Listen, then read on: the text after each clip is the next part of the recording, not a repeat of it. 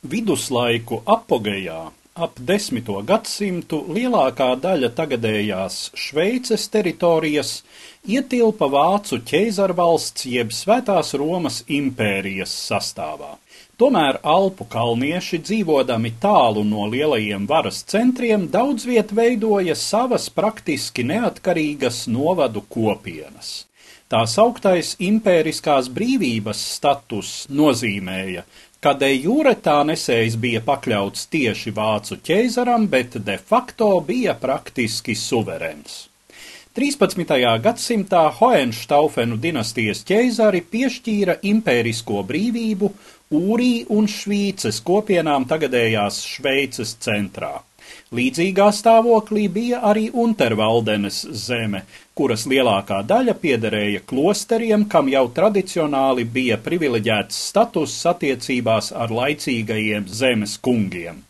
Hoenštaufeni pārvaldīja šo teritoriju ne tikai kā vācu ķeizari, bet arī kā Švābijas hercogi, tomēr šķiet viņiem nebija būtisku varas ambīciju šai reģionā.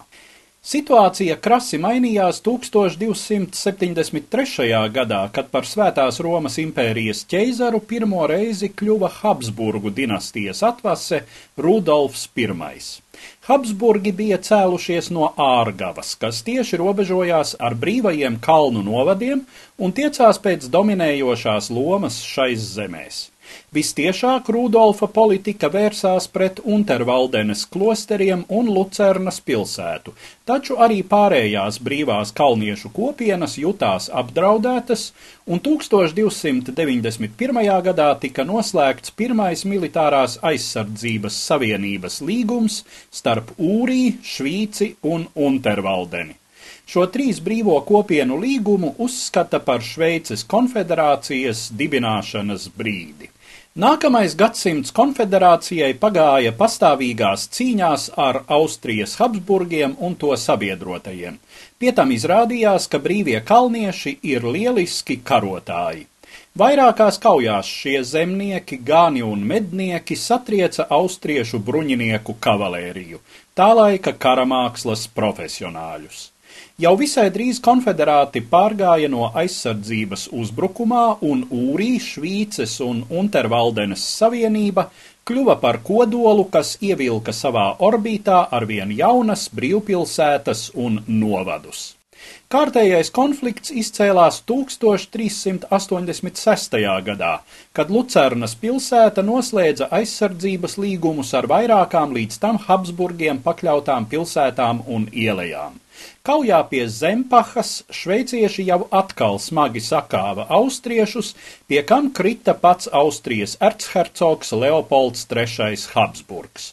Drīz pēc tam pret Habsburgiem sacēlās Glarusas kopiena, kas jau agrāk bija tiekusies pievienoties konfederācijai. Glarusā iemaršēja apmēram 6,5 tūkstošus liela Habsburgu armija. Izšķirošā kauja notika 1388. gada 9. aprīlī pie Nēfelses pilsētiņas. 9. aprīļa rītā galvenie Habsburgu spēki, apmēram 5000 vīru, uzbruka šveiciešu nocietinājumiem. Apmēram desmitkārtīgā ienaidnieka pārspēka spiesti šveicieši atkāpās uz tuvējo augstieni. Kā tas nereti bija noticis arī agrāk, austriešiem liktenīga izrādījās pašpārliecinātība. Domājot, ka pretinieks aizmucis, karakalpi metās laupīt apkārtējos ciemus un zemnieku mājas. Tikmēr šveicieši sniega un miglas aizsagā pametuši savu klinšu cietoksni, negaidīti uzbruka dezorganizētajam pretiniekam. Austrieši metās bēgt, zem bēgošo masas sabruka tilts pār Lintas upi, un daudzi atrada galu ledainajos viļņos. Nēfelse bija pēdējais Austrijas Habsburgu mēģinājums pakļaut savai gribai kādu no brīvajām Šveices kalniešu kopienām. Nākamajā gadā Vīnē noslēgtais mierlīgums uz vairākām desmitgadēm izbeidza karadarbību, Austrijas erchercogu un Šveices konfederācijas starpā.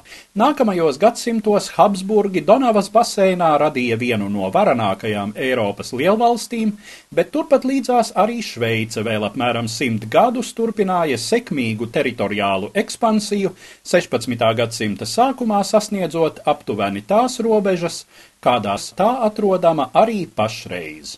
Stāstīja Eduards Liniņš.